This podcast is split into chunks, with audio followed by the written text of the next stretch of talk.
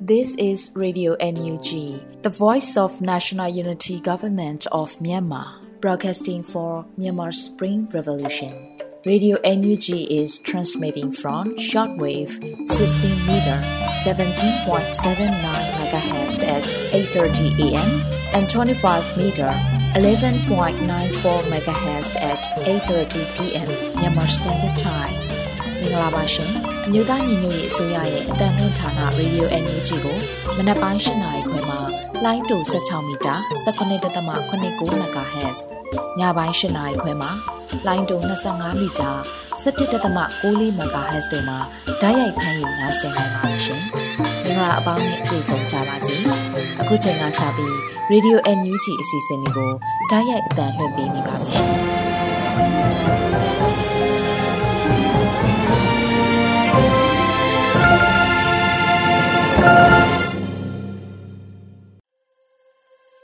မင်္ဂလာနံနက်ခင်ပါဘေးပရာဝေးကွာပြီးကျမ်းမာရှင်လန်းကြပါစေဗီဒီယိုသောတာရှင်များခင်ဗျာဗီဒီယိုအန်ယူဂျီရဲ့ဇန်နဝါရီလ9ရက်နေ့မနက်ခင်းထုတ်လွှင့်မှုစီစဉ်တွေကိုစတင်ပါတော့မယ်ကျွန်တော်ကလွတ်လပ်နေဦးပါခင်ဗျာအခုချိန်ကစပြီးကာကွယ်ရေးဝန်ကြီးဌာနရဲ့စစ်ရေးသတင်းတွေကိုကျွန်တော်ကပဲဥစွာဖတ်ကြားပါတော့မယ်ခင်ဗျာအမျိုးသားညီရေးဆိုရ ကာကွယ်ရေးဝန်ကြီးဌာနမှထုတ်ပြန်သောနေ့စဉ်စစ်ရေးသတင်းအကျဉ်းချုပ်ကိုတင်ပြပေးပါမယ်။တိုက်ပွဲများမှာအကြမ်းဖက်အာဏာသိမ်းရန်သူတပ်သား9ဦးသေဆုံးပြီးတဦးဒဏ်ရာရရှိတယ်လို့သိရပါတယ်။အဆိုပါအာဏာသိမ်းအကြမ်းဖက်စစ်တပ်နဲ့တိုက်ပွဲဖြစ်ပွားမှုသတင်းများမှာစကိုင်းတိုင်းတွင်ဇန်နဝါရီလ9ရက်နေ့ကဆလင်းကြီးမြို့နယ်မိုးကြိုးပြင်အလဲကြီးရွာနီးဆလင်းကြီးမြို့ပေါ်မှတဆင့်ကြီးရွာများကိုမိရှို့ဖျက်ဆီးခဲ့သောရန်သူတပ်သားများကို ပြည်သူ့ကာကွယ်ရေးတပ်မတော်ရင်းမပင်ခရိုင်တပ်ရင်း16တပ်ခွဲ2 One Star Task Force ရင်းမပင်ခရိုင်တပ်ရင်း16 UFM အထူးကွန်မန်ဒိုအဖွဲ့ရင်းမပင်ခရိုင်တပ်ရင်း14 SSTF စလင်းကြီး GZ အဖွဲ့များကမမများနဲ့ပွဲကမယ်စကိုင်း project ကထောက်ပံ့ပေးထားသောလက်နက်ကြီးလက်နက်ငယ်များဖြင့်ပစ်ခတ်တိုက်ခိုက်ခဲ့ရာရန်သူတပ်သား3ဦးသေဆုံးသွားပါတယ်။ဇန်နဝါရီလ9ရက်နေ့ကကလေးဝါမြို့နယ်အုံးပင်စုကြီးရွာရှိ နေအိမ်၅လုံးကိုမိရှို့ဖျက်ဆီးခဲ့သောရန်သူတပ်သားနဲ့ပြူစောတိတရာခန့်နဲ့ပြည်သူ့ကာကွယ်ရေးတပ်မတော်ကလေးဝမြို့နယ်တပ်ရင်းများကလေးဝမြို့နယ်ပကဖဒေသခံကာကွယ်ရေးတပ်ဖွဲ့များထိတွေ့တိုက်ပွဲဖြစ်ပွားခဲ့ရာရန်သူတပ်သားတဦးပြူစောတိတဦးသေဆုံးခဲ့ပြီးဒုရဲအုပ်တဦးထိခိုက်ဒဏ်ရာရရှိခဲ့ကပြည်သူ့ကာကွယ်ရေးမှရဲမေတဦးကြာဆုံးခဲ့ပါတယ်ခင်ဗျာမန္တလေးတိုင်းတွင်ဇန်နဝါရီလ9ရက်နေ့နေ့လယ်12နာရီခန့်ကတပိတ်ကျင်းမြို့နယ်ကြာညှက်ကြီးရွာရှိ အင်အား15ဦးခန့်ရှိနေသောရဲစခန်းအား TPK တောစင်ရိုင်းပျောက်ကြားတပ်ဖွဲ့မှဒရုန်းဖြင့်ဘုံချတိုက်ခိုက်ခဲ့ရာဘုံဒီမှာရဲစခန်းတွင်းရှိလက်နက်တိုက်အနီးကြာရောက်ပောက်ကွဲခဲ့တာကြောင့်ထိခိုက်ပျက်စီးမှုများရှိနိုင်ကြောင်းသိရပါတယ်။တနင်္လာရီတိုင်းမှာဇန်နဝါရီလ9ရက်နေ့နေ့လယ်7:12မိနစ်ခန့်ကတဝယ်မြို့နယ်သင်္ကန်းတုံးရွာတွင်ရန်သူတပ်သားများကအိမ်တလုံးအားမိရှို့ထားကြောင်းသိရပြီးသင်္ကန်းတုံးဖျားတောင်ပေါ်တွင်မူလက်နက်ကြီးကျ၍မိလောင်နေခဲ့ပါတယ် နေ့လယ်7နာရီ39မိနစ်ခန့်ကဆက်လက်ပါသည့်ရန်သူ10ဦးခန့်သင်္ကန်းတုံးရွာဘဲမရတောင်ပေါ်သို့တက်ရာနှစ်ဖက်အပြန်လန်းပြစ်ခတ်မှုဖြစ်ပွားခဲ့ပြီးပြည်သူ့ကာကွယ်ရေးရဲဘော်တူကြဆုံးကနှစ်ဦးဒဏ်ရာရရှိခဲ့ပါတယ်ခင်ဗျာဆက်လက်ပြီးအာနာသိန်းအကြမ်းဖက်စစ်တပ်ကျူးလွန်ခဲ့သော ရာဇဝတ်မှုများကို တင်ပြပါမယ်ကချင်ပြည်နယ်မှာဇန်နဝါရီလ10ရက်နေ့ကဗမော်မြို့နယ်အေယာရီမြစ်ကျောင်းဘေးတစ်လျှောက်ရှိကြေးရွာချို့မှာပြည်သူများကိုကြေးရွာတွင်းမှထွက်ခွာသွားရန် ရန်သူစစ်တပ်ကဖိအားပေးပြောဆိုနေကြောင်းသိရပါတယ်။ကရင်ပြည်နယ်မှာဇန်နဝါရီလ9ရက်နေ့မနက်10:10မိနစ်ခန့်ကကရင်မျိုးသားစီယုံ KNU ဖာပွန်ခရိုင်တပ်မဟာ9နယ်မြေဒေဘိုးနိုဒေသအတွင်းသို့ရန်သူစစ်တပ်ကတိုက်လေရင်နှစ်စီးနဲ့ဘုံလေးလုံးကျဲချတိုက်ခိုက်ခဲ့ရာရွာသားတဦးဒဏ်ရာရ၍အဆောက်အုံတစ်ခုနဲ့မော်တော်ယာဉ်တစ်စီးပျက်စီးခဲ့ပါတယ်။ဇန်နဝါရီလ9ရက်မှ9ရက်အတွင်းရန်သူစစ်တပ်က တိုက်လေရင်9စီးနဲ့ဘုံ20လုံးလာရောက်ကျဲချခဲ့ရာဒေသခံများရဲ့လုပ်ငန်းခွင်များတွင်ကြာရောက်ပောက်ကွဲခဲ့ကြောင်းသိရပါတယ်။စကိုင်းတိုင်းမှာဇန်နဝါရီလ9ရက်နေ့ကတမူးမြို့နယ်တမူးမြို့မှာရန်သူစစ်တပ်နှင့်ပြူစောတိများကတမူးမြို့တွင်၎င်းတို့မှလွဲ၍မြည်သူမဆိုဆိုင်ကယ်နှစ်ယောက်မစီးရမိန်းကလေးမှန်သမျှကြစ်ဆံမီမကြစ်ရတနခါမလိမ့်ရဆိုသည့်အမိတ်တရထုတ်ပြန်ထားပြီးမလိုက်နာသူမြည်သူကိုမဆို၎င်းတို့မှလွဲ၍ပြစ်တတ်မယ်လို့လဲချိန်ချောက်ထားက ထိုမိတ်ထုတ်ပြန်ပြီးသည့်အချိန်မှစကပြည်သူတူပြစ်ခတ်ခံထားရပါတယ်ခင်ဗျာဇန်နဝါရီလ9ရက်နေ့မနက်9:40မိနစ်ခန့်ကကျွန်းလှမြို့နယ်ထမ်းပင်ကုန်းကြေးရွာနေအိမ်များကိုရန်သူတပ်သားနဲ့ပြူစောတိများကထပ်မံမီးရှို့ခဲ့ကြပါတယ်ဇန်နဝါရီလ9ရက်နေ့ညနေ4:50မိနစ်ခန့်က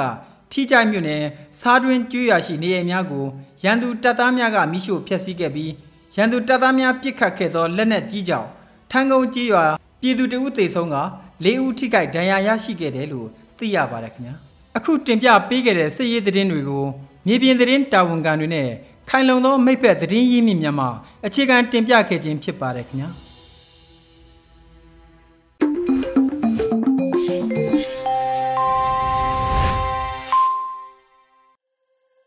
ဆက်လက်ပြီးနောက်ဆုံးရသတင်းများကိုຫນွေဦးမွန်ကကြီးညာပါဦးမယ်ခင်ဗျာမင်္ဂလာမနက်ခင်းပါရှင် 2023ခုနှစ်ဇန်နဝါရီလ9ရက်နေ့ Radio NUG ရဲ့နောက်ဆုံးရပြည်တွင်းသတင်းတွေကိုတင်ပြပေးသွားမှာဖြစ်ပါတယ်ကြေးရွာကိုလိုက်လံဖျက်ဆီးတဲ့အကြမ်းဖက်စစ်တပ်ရဲ့လုပ်ရဟာတတိကြောင်ပြီးတရေဘောဆန်တယ်လို့ပြည်ထောင်စုဝန်ကြီးချုပ်ပြောဆိုတဲ့အကြောင်းအရာကိုတင်ပြပေးပါမယ်။ကြေးရွာတွေကိုလိုက်လံဖျက်ဆီးတဲ့အကြမ်းဖက်စစ်တပ်ရဲ့လုပ်ရဟာတတိကြောင်ပြီးတရေဘောဆန်တယ်လို့ပြည်ထောင်စုဝန်ကြီးချုပ်မန်ဝင်းခိုင်တန်းကဆိုလိုက်ပါတယ်။ ဇန်နဝါရီလအတွင်းတွဲဆုံပြီးမြန်ကန်တစ်ခုမှာပြည်ထောင်စုဝန်ကြီးချုပ်ကထည့်သွင်းပြောပါတယ်။သူတို့က PDF တွေတိုင်းသားဖွဲ့စည်းတွေကိုမနိုင်ဘူး။အဲ့တော့ကြေးရွာတွေကိုလေရင်နဲ့လိုက်ပုံကျဲတယ်။အမြောက်တွေနဲ့ပစ်တယ်။ပြည်သူနဲ့ငါတို့ကိုသွေးခွဲတယ်။သူတို့ပြောတာဒါ PDF တွေတိုင်းသားဖွဲ့စည်းတွေရှိလို့ဒီလိုလုပ်တာမရှိရင်ရွာကိုမဖျက်ဘူးပေါ့။တိတ်တက်တီကြောင်တာတရေဘောကြောင်နဲ့လှုပ်ရက်ပါပဲလို့ဆိုပါတယ်။ အကြံဖက်စစ်တပ်ဟာတနိုင်ငံလုံးမှာအိုးအိမ်ပေါင်း4000ကျော်ကိုမိရှို့ဖျက်ဆီးခဲ့ပြီးအများဆုံးထိခိုက်ပျက်စီးမှုမှာစကိုင်းတိုင်းမကွေးတိုင်းတို့ပါဝင်ပါတယ်ရှင်။မြန်မာပြည်သူများရဲ့ဒီမိုကရေစီအရေးရုန်းကန်လှုပ်ရှားနေမှုများနဲ့နိုင်ငံခြားရေးဝန်ကြီးဒေါ်စင်မအောင်ရဲ့ပြောဆိုဆွေးနွေးချက်များကို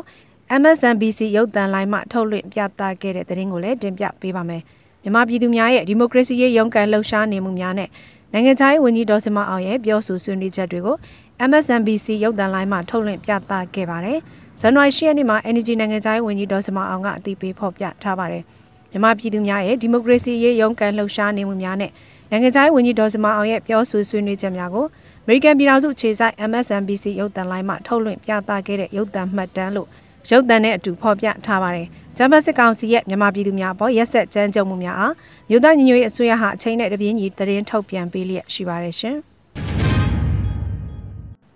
တိုင်းသားမဟာမိတ်ဆက်ဆံရေးအားကောင်းရန်နဲ့ဆက်ဆံရေးကိုထူလေထားရန်ပြည်ထောင်ဝင်ကြီးဦးလွေကိုလက်ပြောကြားတဲ့အကြောင်းအရာကိုလည်းတင်ပြပေးပါမယ်။တိုင်းသားမဟာမိတ်ဆက်ဆံရေးအားကောင်းရန်နဲ့ဆက်ဆံရေးကိုအထူးလေထားဖို့ပြည်ထောင်ဝင်ကြီးဦးလွေကိုလက်ကပြောကြားလိုက်ပါတယ်။ဇန်နဝါရီ၈ရက်ကျင်းပတဲ့မြို့သားညီညွတ်ရေးအစိုးရဂျာကာလဒေသန္တရပြည်သူ့အုပ်ချုပ်ရေးဖော်ဆောင်မှုဗဟိုကော်မတီနဲ့တနင်္သာရီတိုင်း AR တိုင်းပြည်သူ့အုပ်ချုပ်ရေးဖွဲ့များတွဲဆုံဆွေးနွေးပွဲမှာပြည်ထောင်ဝင်ကြီးဦးလွေကိုလက်ကဆိုပါတယ်။ တော်လေးနှစ်နှစ်တာကာလအတွင်းဇွဲလုံးလားနဲ့ဆောင်ရွက်ခဲ့ကြတဲ့အခက်အခဲများရှိတော့လဲစီစီလုံးလုံးညီညီညွတ်ညွတ်နဲ့ယနေ့အထိကိုပြတ်တန်းလာသည့်အတွက်အားလုံးနဲ့ထပ်တူဂုဏ်ယူပါတယ်လို့ပြောကြားလိုကြောင်းအုပ်ချုပ်မှုကိုဖော်ဆောင်ရရင်တနှစ်မဟာဗျူဟာနဲ့ချိတ်ဆက်ပြီးဆောင်ရွက်ရမည်ဖြစ်ကြောင်းအုပ်ချုပ်မှုသည်အင်မတန်သိမ်းမွေ့နေနေသည်ကိုနိုင်ငံရေးဖြတ်တန်းမှုအရအားလုံးသိကြမည်ဖြစ်ကြောင်းအုပ်ချုပ်ရေးကိုဆောင်ရွက်ရရင်စိန်ခေါ်မှုကြီးမားကြောင်းတိုင်းသားမဟာမိတ်ဆက်ဆံရေးကိုအားကောင်းရန်နဲ့အထူးလေးထားကြရန်လိုအပ်ကြောင်း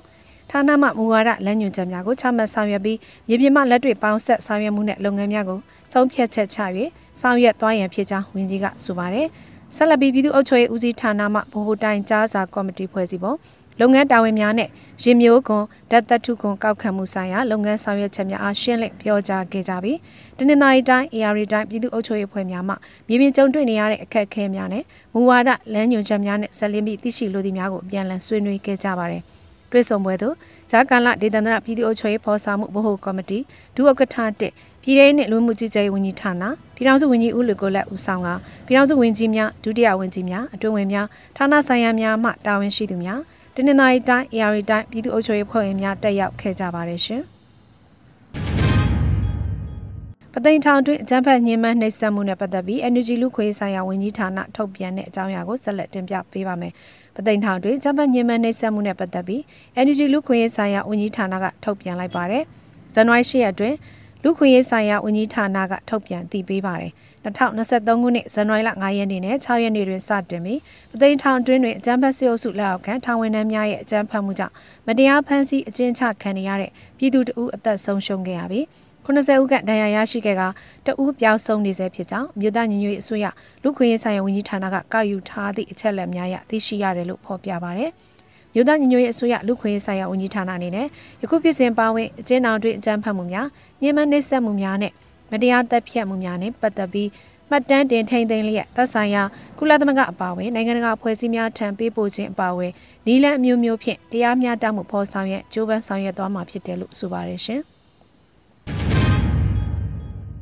တူရရွေးကောက်ပွဲမှာစေအုပ်စုအတွက်နိုင်ငံရေးထွက်ပေါက်ဖြစ်လာမည်မဟုတ်ပဲနိုင်ငံအတွင်းပြပခါများသာဖြစ်ပွားလာစေမယ်လို့ဆိုတဲ့အကြောင်းအရာကိုလည်းတင်ပြပေးပါမယ်။တူရရွေးကောက်ပွဲမှာစေအုပ်စုအတွက်နိုင်ငံရေးထွက်ပေါက်ဖြစ်လာမည်မဟုတ်ပဲနိုင်ငံအတွင်းပြပခါများသာဖြစ်ပွားလာစေမယ်လို့ဆိုပါတယ်။ဇန်နဝါရီ၈ရက် Zomi Federal Union ZFU ကဦးစီးကျင်းပတဲ့ information session မှာပြည်ထောင်စုလွှတ်တော်ကိုစားပြုကော်မတီဖွဲ့ဝင်ဒေါ်မြတ်တီတာထွန်းကပြောခဲ့တာပါ။ ကျင်းပရန်စူးစမ်းနေတဲ့အတူရရွေးကောက်ပွဲဆိုဒီမှာလည်းစေအုပ်စုအတွက်နိုင်ငံရေးထွက်ပေါက်ဖြစ်လာမည်မဟုတ်ပဲနိုင်ငံအတွင်းပြပခများသာဖြစ်ပွားစေပြီးပုံမိုဆွေးရသည့်အခြေအနေဖြစ်စေပါကြောင်းစစ်ကောင်စီနဲ့ပူးပေါင်းရန်ကြံရွယ်နေကြသည့်နိုင်ငံရေးပါတီများအနေနဲ့ပြည်သူကိုမျက်နှာမူရန်နဲ့ဆီယနာရှင်ရန်နေရတွင်အကြောင်းမျိုးမျိုးကြောင့်ပါဝင်နေကြသည့်နန်းစီရီယမ်များအနေဖြင့်လည်းပြည်သူအလုံး၏နာကက်များကိုအမှောင်တူတဲသို့ဆွဲသွင်းနေသည့်ဆီယနာရှင်စနစ်ကိုအပြီးတိုင်ဖယ်ရှားနိုင်ရန်အတွက်ပြည်သူလူထုနဲ့အတူအမြန်ဆုံးလာရောက်ပူးပေါင်းကြရန်တိုက်တွန်းလိုကြောင်းပြောကြားခဲ့ပါတယ်။ တွဲဆုံဆွေးနွေးပွဲသို့ Zomi Federal Union ZFU မှတာဝန်ရှိသူများပြည်အောင်စုလွှတ်တော်ကိုစားပြုကော်မတီမှအဖွဲ့များဖြစ်ကြသောဒေါ်မြတ်တီရာထွန်းဦးရောဘတ်ညီရယ်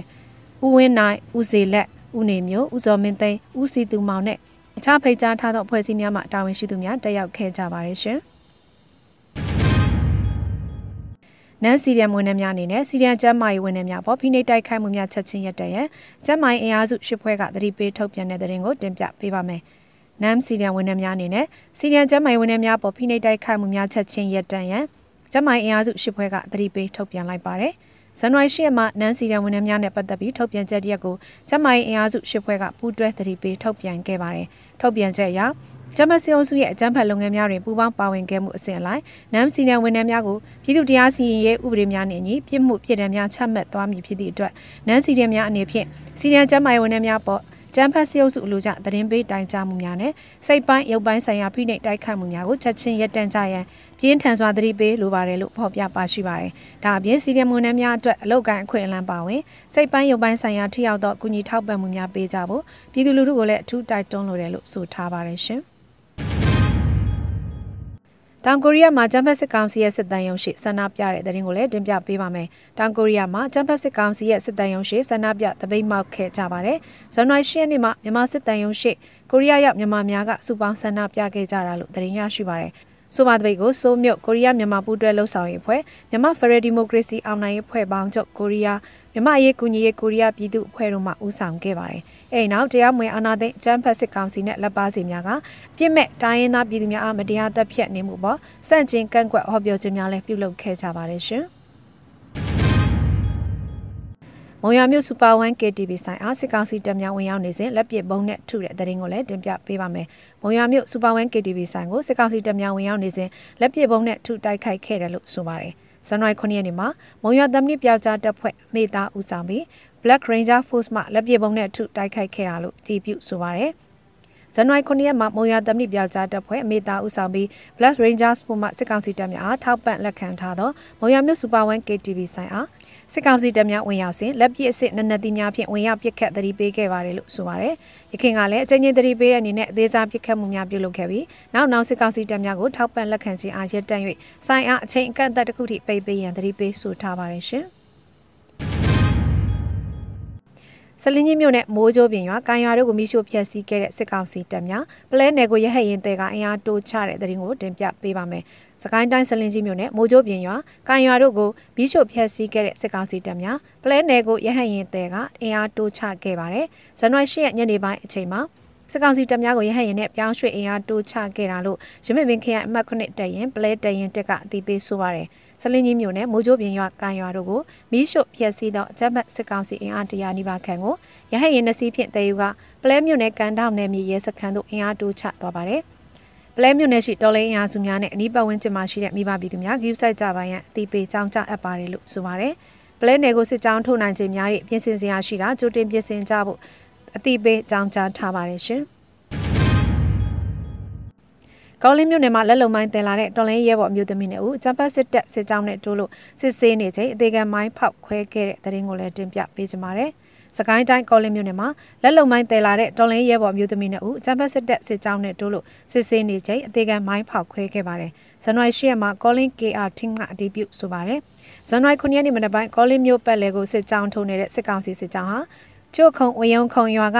နေမင်းချမ်းတဲကြီးကုန်း ယခုမင်းတဲကြီးကိုစစ်ကြောင်းကထိုးလာခဲ့ချိန်မြို့သမီးရဲဘော်နှဦးဟာလက်လုံမိုင်းကိုတဲလာရင်စိုက်ကယ်တစ်စီးနဲ့စစ်ကြောင်းရှေ့ကိုကြိုပြီးရောက်နေအောင်မောင်းခဲ့ကြပါတယ်။မထင်မှတ်ပဲစစ်ကြောင်းရှေ့ point နဲ့တွေ့ရမှာစိုက်ကယ်ရခိုင်မိစစ်ဆေးဖို့လှုပ်ချိန်ပါလာတဲ့မိုင်းနဲ့ရမှုကိုနှိပ်ခွဲကစစ်ကောင်စီတပ်ကပါအဖာခေါ်ဖို့နောက်ဆုံးလှုပ်ဆောင်သွားခဲ့ကြတယ်လို့ဆိုပါတယ်။ကြာဆုံးခဲ့သောမျိုးသမီးနှစ်ဦးတွင်တဦးမှာဒေါ်စုစု၏အသက်45နှစ်နဲ့မတ်နှင်းစီလိုက်အသက်20နှစ်တို့ဖြစ်ကြတယ်လို့ KR team ကဖော်ပြပါရရှင်။ ကရင်ပြည်နယ်ကော့ဂရိတ်အာရှလန်တိုက်ပွဲတွင်အကြမ်းဖက်စစ်ကောင်စီဘက်မှဗိုလ်မှူး2ဦးပါဝင်48ဦးသေဆုံးက62ဦးဒဏ်ရာရတဲ့တဲ့ရင်ကိုလည်းတင်ပြပေးပါမယ်။ကရင်ပြည်နယ်ကော့ဂရိတ်အာရှလန်တိုက်ပွဲတွင်ကျမ်းပတ်စစ်ကောင်စီဘက်မှဗိုလ်မှူး2ဦးပါဝင်48ဦးသေဆုံးပြီး62ဦးဒဏ်ရာရခဲ့တယ်လို့သတင်းရရှိပါတယ်။ဇန်နဝါရီ10ရက်မှာစီးရဲသတင်းကိုကော့ဘရာစစ်ကြောင်းကထုတ်ပြန်သိပေးဆိုပါတယ်။2022ခုနှစ်ဒီဇင်ဘာလ19ရက်မှ30ရက်နေ့ထိကော့ဂရိတ်အာရှလန်တိုက်ပွဲတွင် ဂျမ်ဘတ်စစ်ကောင်စီဘက်မှပုံမှု2ဦးပါဝင်48ဦးသေဆုံး62ဦးဒဏ်ရာရပြီးလက်နက်ခဲယမ်းများသိမ်းဆည်းရမိခဲ့တယ်လို့ဖော်ပြပါရယ်ဂျမ်ဘတ်စစ်ကောင်စီဘက်မှနေမြေကန်တက်ခလာရ231ခလာရ233ညခလာရ9ခွန်အမြောက်တက်94ခွန်တမ44လက်အောက်ခံခမရ9ခလာရ134တမ71ထုံနှုတ်အင်အားတို့သည်ကော့ဂရိတ်တောင်ပိုင်းအာရှလန်နှင့်ကော့နယ်ကျေးရွာဘက်ကိုအင်အားလုံးရင်းနဲ့ကျူးကျော်ဝင်ရောက်လာသည့်အတွက် လုံခြုံရေးထားသောပူပေါင်းတပ်ဖွဲ့နဲ့ထိတွေ့မှုဖြစ်ပွားခဲ့ပါတယ်။ပူပေါင်းတပ်ဖွဲ့ဘက်မှ KNL တရင်78တရင်20ခွန်ကော်ဘရာစစ်ကြောင်းဒေါနာစစ်ကြောင်းကြားပြူစစ်ကြောင်းတကားပြူစစ်ကြောင်း Federal Wings Drone တပ်ဖွဲ့ Golden Eagles Drone တပ်ဖွဲ့တို့နဲ့ရက်ရှိကြတိုက်ပွဲဖြစ်ပွားရာကော်ဘရာစစ်ကြောင်းမှ10ဦးဒဏ်ရာရ2ဦးကြာဆုံးခဲ့ပြီးဒေါနာစစ်ကြောင်းမှ4ဦးဒဏ်ရာရတကားပြူစစ်ကြောင်းမှ3ဦးဒဏ်ရာရခဲ့ပါတယ်။တိုက်ပွဲတွင်ဂျမ်ဖတ်စစ်ကောင်စီထံမှသိမ်းဆည်းရမိသောလက်နက်များမှာ MA3 2လက် MA2 စက်ကလေး1လက် ကြီးပေါက်12ပေါက်40မမကြီး29လုံးခြေနှင်းမိုင်း2လုံးလက်ပြေပုံ6လုံး RPG ကြီး2လုံးပိုရန်3တော့60မမကြီး1လုံးအီနာက1လုံး9.6နှစ်ကြီး650တော့9.56ကြီး965တော့ကြီးကခမောက်6လုံးတို့ကိုကော်ဘရာစစ်ကြောင်းမှသိမ်းဆည်းရမယ်ကကန်နယ်လီတရင်ဆက်ရှင်မှ MA3 တက်လက်သိမ်းဆည်းရမည်ရန်သူတန်ချက်ကကားနှစ်စီးအားဖျက်ဆီးနိုင်ခဲ့ပါတယ်။ဂျမတ်စစ်ကောင်စီမှကျေးရွာအတွင်းလက်နက်ကြီးတိုက်ခိုက်ရဟတ်ရင်များ ဂျက်တိုက်လေယာဉ်များနဲ့ပစ်ခတ်ခဲ့ပါတယ်ရှင်။စကိုင်းမြင်းမူလန်မိုင်းမော်တွင်စကိုင်းဘက်မှထွက်လာသောစစ်ကား၃စီးအားကာကွယ်တပ်များကမိုင်းဆွဲတိုက်ခိုက်တဲ့တဲ့ရင်ကိုဆက်လက်တင်ပြပေးပါမယ်။စကိုင်းတိုင်းစကိုင်းမြင်းမူလန်မိုင်းမော်မှာစကိုင်းဘက်မှထွက်လာတဲ့စစ်ကား၃စီးကိုကာကွယ်တပ်များကမိုင်းဆွဲတိုက်ခိုက်ခဲ့ပါတယ်။ဇန်နဝါရီ10ရက်နေ့မှာမိုးညို Revolution Force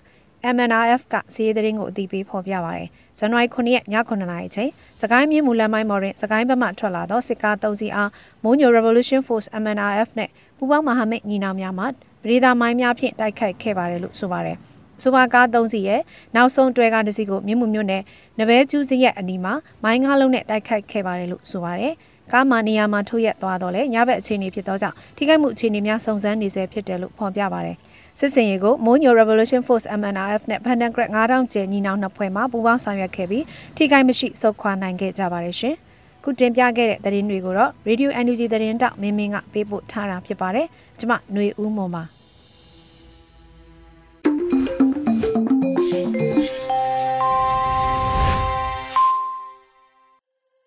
ရေဒီယိုအန်ယူဂျီမှမနက်ခင်းထုတ်လွှင့်မှုအစီအစဉ်တွေကိုနားဆင်နေကြရတာဖြစ်ပါတယ်ခင်ဗျာဆက်လက်ပြီး တော်လှန်ရေးအမှုပညာကဏ္ဍကိုအလှည့်ပေးပါမယ်။တင်ဆက်နေကြဖြစ်တဲ့နှွေဦးထဲကကြပြကြပြထဲကနှွေဦးပဲဖြစ်ပါတယ်။ဗညာမော်ရေးသားပြီးစိုးရကခန်းစားရွတ်ဖတ်ထားတာဖြစ်ပါတယ်ခင်ဗျာ။နှွေဦးထဲကကြပြကြပြထဲကနှွေဦးနှွေဦးထဲမှာနှစ်သစ်ကိုကူးခဲ့ရတာနှစ်ကြိမ်ရှိပြီ။နှစ်သစ်ကြံရွယ်ပိုင်းဖြတ်ချက်တွေချခဲ့ရတာ နှစ်ကြိမ်ရှိပြီရေဘူးရာအဖြစ်ကဘာပေါ်ကလူသားတွေနှစ်သက်ကူးသလိုပျော်ရွှင်ခြင်းတွေနဲ့ပွဲတော်တွေနဲ့မီးရောင်စုံတွေနဲ့တေးသံတာတွေနဲ့နှစ်သက်မကူးကြရတာနှစ်ကြိမ်ရှိပြီຫນွေဦးထဲမှာနှစ်သက်ကူးကြတဲ့အခါတနိုင်ငံတဲသားတွေရဲ့မလွတ်မြောက်သေးတဲ့ဆင်းရဲတွေမပြီးဆုံးသေးတဲ့ရုန်းကန်မှုတွေကိုစိတ်ထဲ ထည့်ထားနိုင်တဲ့နိုင်ငံသားစစ်စစ်တွေဟာဘယ်မှာအနှောင့်အသွားလွတ်လွတ်ဖြူးဖြူးဖြောင်ဖြောင်နှစ်ကူးနိုင်ကြပါမလဲဟောရီကဗျာဆရာကနှစ်သက်ကူညကို အကျဉ်းကြညလို့သဘောထားခံစားတယ်မှန်ပါတယ်သူ့ရဲ့အမိကိုလည်းမလွတ်သေးတဲ့အခါမှုခြံလှက်ပြီးလက်ထားခဲ့ရပါတယ်သူတန်ဖိုးထားတဲ့နိုင်ငံသားတွေဟာ ထောင်ထဲမှာဆင်းရဲခြင်းနဲ့မိတ်ဖွဲ့နေရတယ်တောထဲမှာတိုက်ပွဲထဲမှာရုန်းကန်ခြင်းနဲ့လက်ပင်ဖက်နေရတယ်ဒီတော့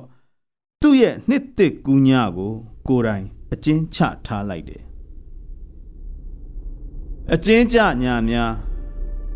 အေးဆက်ခြင်းနဲ့ပူလောင်ခြင်းသာမိတ်ဖွဲ့ရင်ဗရင်းမဲ့အရက်ကပြန်မလာနိုင်သေးသူတွေရဲ့ ဓမ္မသာယုံသမှုဓမ္မတစ်ဖက်မြားတက်လက်နဲ့စဘာတစ်ခက်အရှာထွက်သူတွေရဲ့ဒီလိုအခါပျော်ရာရှာဖို့အာနာမိသမျှရေတစ်ခွက်ကြပြာတစ်ပုတ်နဲ့နှစ်ကူးညဟာအကျဉ်းချခံထားရမည်ဒီကြပြာဆရာလိုပဲပုတ်တော့ no name နဲ့ပဲ ဖော်ပြလို့တင့်အောင်မဲ့ကြပြာဆရာတူကတော့ຫນွေဦးမှာပင်ကိုရေးကြပြာတွေဘာသာပြန်ကြပြာတွေနဲ့ຫນွေဦးထဲ့ဝင်မှုများတဲ့ကြပြာဆရာပါသူကတော့နှစ်ကူးမှာကောင့်တောင်းရေတွက်ရင်းသူ့ရဲ့ရည်တန်မှုကို ရှင်းရှင်းပဲဖော်ပြပါတယ်ငါရေတွက်နေတဲ့ကောင့်တောင်းနှစ်သက်ကိုကြိုကျင်တာမဟုတ်ဘူး ခစ်သက်ကိုကြိုကျင်တာပါမြင်တွေ့ကျင်တာခံစားမှုဗလာနဲ့တချင်းငှက်မဟုတ်ဘူးပြာပုံတွေကထွက်လာမဲ့ free နဲ့ငှဲကွက်4 3 2 1 Happy New Year နှစ်ကူးအစဉ်အလာတိုင်းကောင်းတောင်းရေတွေ့ရင် Happy New Year လို့အော်ပြီး ကြပြာကိုအဆုံးသတ်ထားပေမဲ့မြင်တွေ့ကျင်တာကခံစားမှုဗလာနဲ့တချင်းငှက်မဟုတ်ဘူးဆိုတဲ့သူ့အာတီတာကကျွန်တော်တယောက်အတွက်ဖြင့်အတော်ရိုက်ခတ်တယ်အမှန်တရားကိုမျက်နှိုးပြီးတပုံစိတ်အခန့်လဲရှိတတ်တယ်လို့ဆိုတဲ့ကြပြာဆရာတွေတဲမှာမှဒီလိုຫນွေဥခါအရေးတော်ပုံကာလမှာခံစားမှုဗလာတို့ခံစားမှုအပြာတို့နဲ့ ပွဲထွက်လာတဲ့တချင်းငှက်တွေကို တွေ့တွေ့နေရတဲ့အခါတိတ်တော့အစင်မပြေပါဘူးကြပြဆရာခစားကတော့အခုလာမဲ့နှစ်တစ်ကိုစစ်ပွဲဝေါ်ဟာရနဲ့ခေါင်းစဉ်တက်လိုက်တယ် point 2023 point 2023ကြပြခေါင်းစဉ်မှာကို ကျွန်တော်တို့ကိုကြပြဆရာရဲ့အညွှန်းပြုပုံဟာရှင်းလင်း ပြတ်သားပါတယ် point 2023ဟာကျွန်တော်တို့အရယူသိမ့်ပိုက်ပြီးအောင်ပွဲခံရမယ်တောင်ကုန်းပါပဲအရေးတော်ပုံတိုက်ပွဲတောင်ကုန်း point စိတ်ကူးပုံရိပ်တွေဟာကိုမင်းကိုနိုင်ပြောတဲ့တတန်တဲ့ညီတညီတဲ့ယုံကြရဖို့အားလုံးရဲ့ပခုံးတွေခြေသလုံးတွေကို ခုံခုံထကြွတက်လာတဲ့အထိ နှိုးဆွခေါ်ဆောင်နိုင်ပါစေ point 2023တောင်ကြီးမှာဖောင်တွေထားခဲ့ကြပြီတောင်ရိပ်မှာမရှင်းပေမဲ့တောင်ထိပ်မှာလင်းမှာပါမြူထဲမှာလူမကွဲဖို့တပုတ်သေးဆိုရင်ဘယ်သူကိုမှ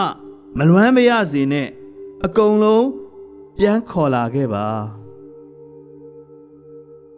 ကြပြဆရာရဲ့ဆန္ဒကို နောက်ဆုံးပါရတွေမှာခံစားမှုနဲ့တလုံးတဝထည့်ထားလိုက်ပုံဟာကြပြဖတ်သူရဲ့ရှင်တဲ့လှိုက်ခနဲဖြစ်သွားစေမှာပါမဖြစ်နိုင်လောက်သည့်ဖြစ်လင့်ကစားကြပြဆရာရဲ့ဆန္ဒဟာပြည်သူလူထုအားလုံးရဲ့ဆန္ဒလည်းဖြစ်ပါတယ်လေးပုံမြောက်ຫນွေဦးနှစ်သစ်ခန်းစားချက်အတွက်ခန့်ဝါညင်းရဲ့ကြပြကိုဖတ်ကြည့်ကြရအောင်ပါ သူ့ကြပြခေါင်းစဉ်ကိုနှစ်သစ်လိုပဲရိုးရိုးပေးထားတယ်နှစ်သစ်ဆိုတာနှစ်ဟောင်းကနေနောင်လာမဲ့နေ့ရက်တစ်တွေစီကူးဝင်ရတာမဟုတ်လားကြပြားစရာဟာဘယ်လိုအဟောင်းတွေကိုထပြီးဘယ်လိုအစ်စ်တွေဝင်စားနေတယ်ဆိုတာဟောင်းတဲ့အစ်စ်ဒီစကလုံးနှလုံးကိုပဲနေရာဖြန့်ချပြီးသူ့ကြပြားစာသားတွေကိုရိုးရှင်းလှပစွာ ရက်ဖွဲ့သွားတယ်ကျွန်တော်တို့အဆုံးဖြတ်ပေးရမယ့်နှစ်တစ်ကိုအားနှစ်စိတ်နှစ်ပြီးဖြတ်တန်းနိုင်ကြဖို့ရွေဦးကြပြလေးပုတ်ကိုထက်ဆင့်မျှဝေလိုက်ပါတယ်။ယုံကြည်ရာရည်ရွယ်ရာ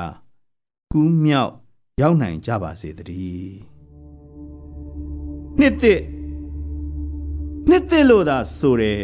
ဒံယာဟောင်းမှာသွေးတဆူဆူ အိမ်ဟောင်းကို ပြာတစ်အဖြစ်မြင်ရတဲ့အခါ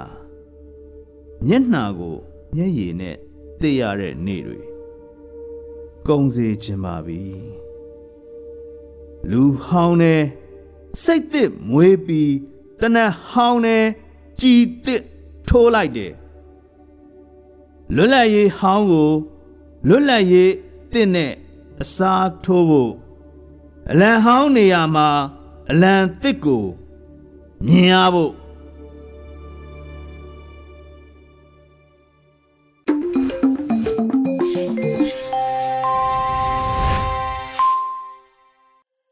တောတာရှင်များခင်ဗျာဆက်လက်ပြီးတော်လှန်ရေးတေးဂီတတစ်ပုဒ်ကို နားဆင်ကြရအောင်ပါအရှုံးမပေးကြီးလို့အမိရတဲ့ဂီတတန်စင်တစ်ပုဒ်ကိုဆောင်းဦးလှိုင်ကရေးသားပြီးအဆိုရှင်ရှိရှိကခန်းစားတီဆိုထားပါတယ်ခင်ဗျာ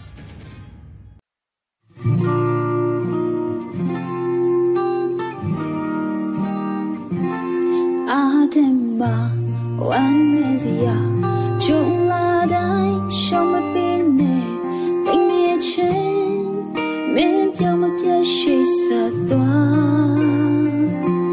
လူဝဆိုတာရှင်မလို့မကြမကြခက်ခဲများတဲ့တွေ့မယ်ယုံကြည်လိုက်မင်း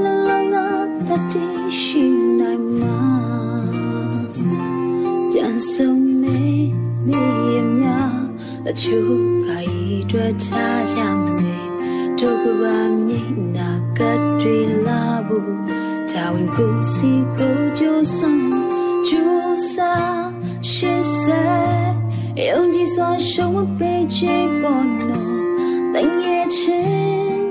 မင်းပြောင်းမပြတ်ခရီးဆက်သွားလူဝဆူရာဒီပဲတခါတည်းရခက်ခဲ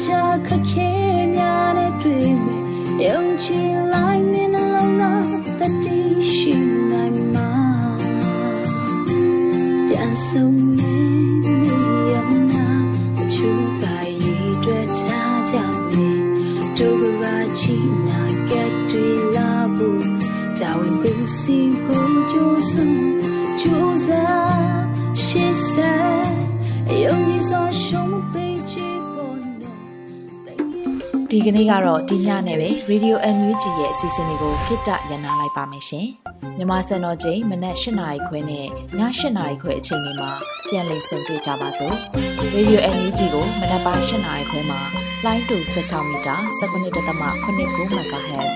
ညပိုင်း၈နာရီခွဲမှာလိုင်းတူ25မီတာ17.6 MHz တို့မှာဓာတ်ရိုက်ဖမ်းလို့နိုင်စေနိုင်ပါပြီ။ မြန်မာနိုင်ငံသူနိုင်ငံသားတွေကိုယ်စိတ်နှပြကျန်းမာချမ်းသာလို့ဘေးကင်းလုံခြုံကြပါစေလို့ Radio NUG အဖွဲ့သူဖွဲ့သားတွေကဆုတောင်းမြတ်တာပို့တာလိုက်ရပါတယ်ရှင်။အမျိုးသားညီညွတ်ရေးအစိုးရရဲ့စက်သွေးရေးသတင်းအချက်အလက်နဲ့လူပညာဝန်ကြီးဌာနကထုတ်လွှင့်နေတဲ့ Radio NUG ဖြစ်ပါတယ်။ San Francisco Bay Area အခြေစိုက်မြန်မာမိသားစုတွေနဲ့နိုင်ငံတကာကစေတနာရှင်လို့အားပေးနေတဲ့ Radio NUG ဖြစ်ပါတယ်။အရေးတော်ပုံအောင်ရမည်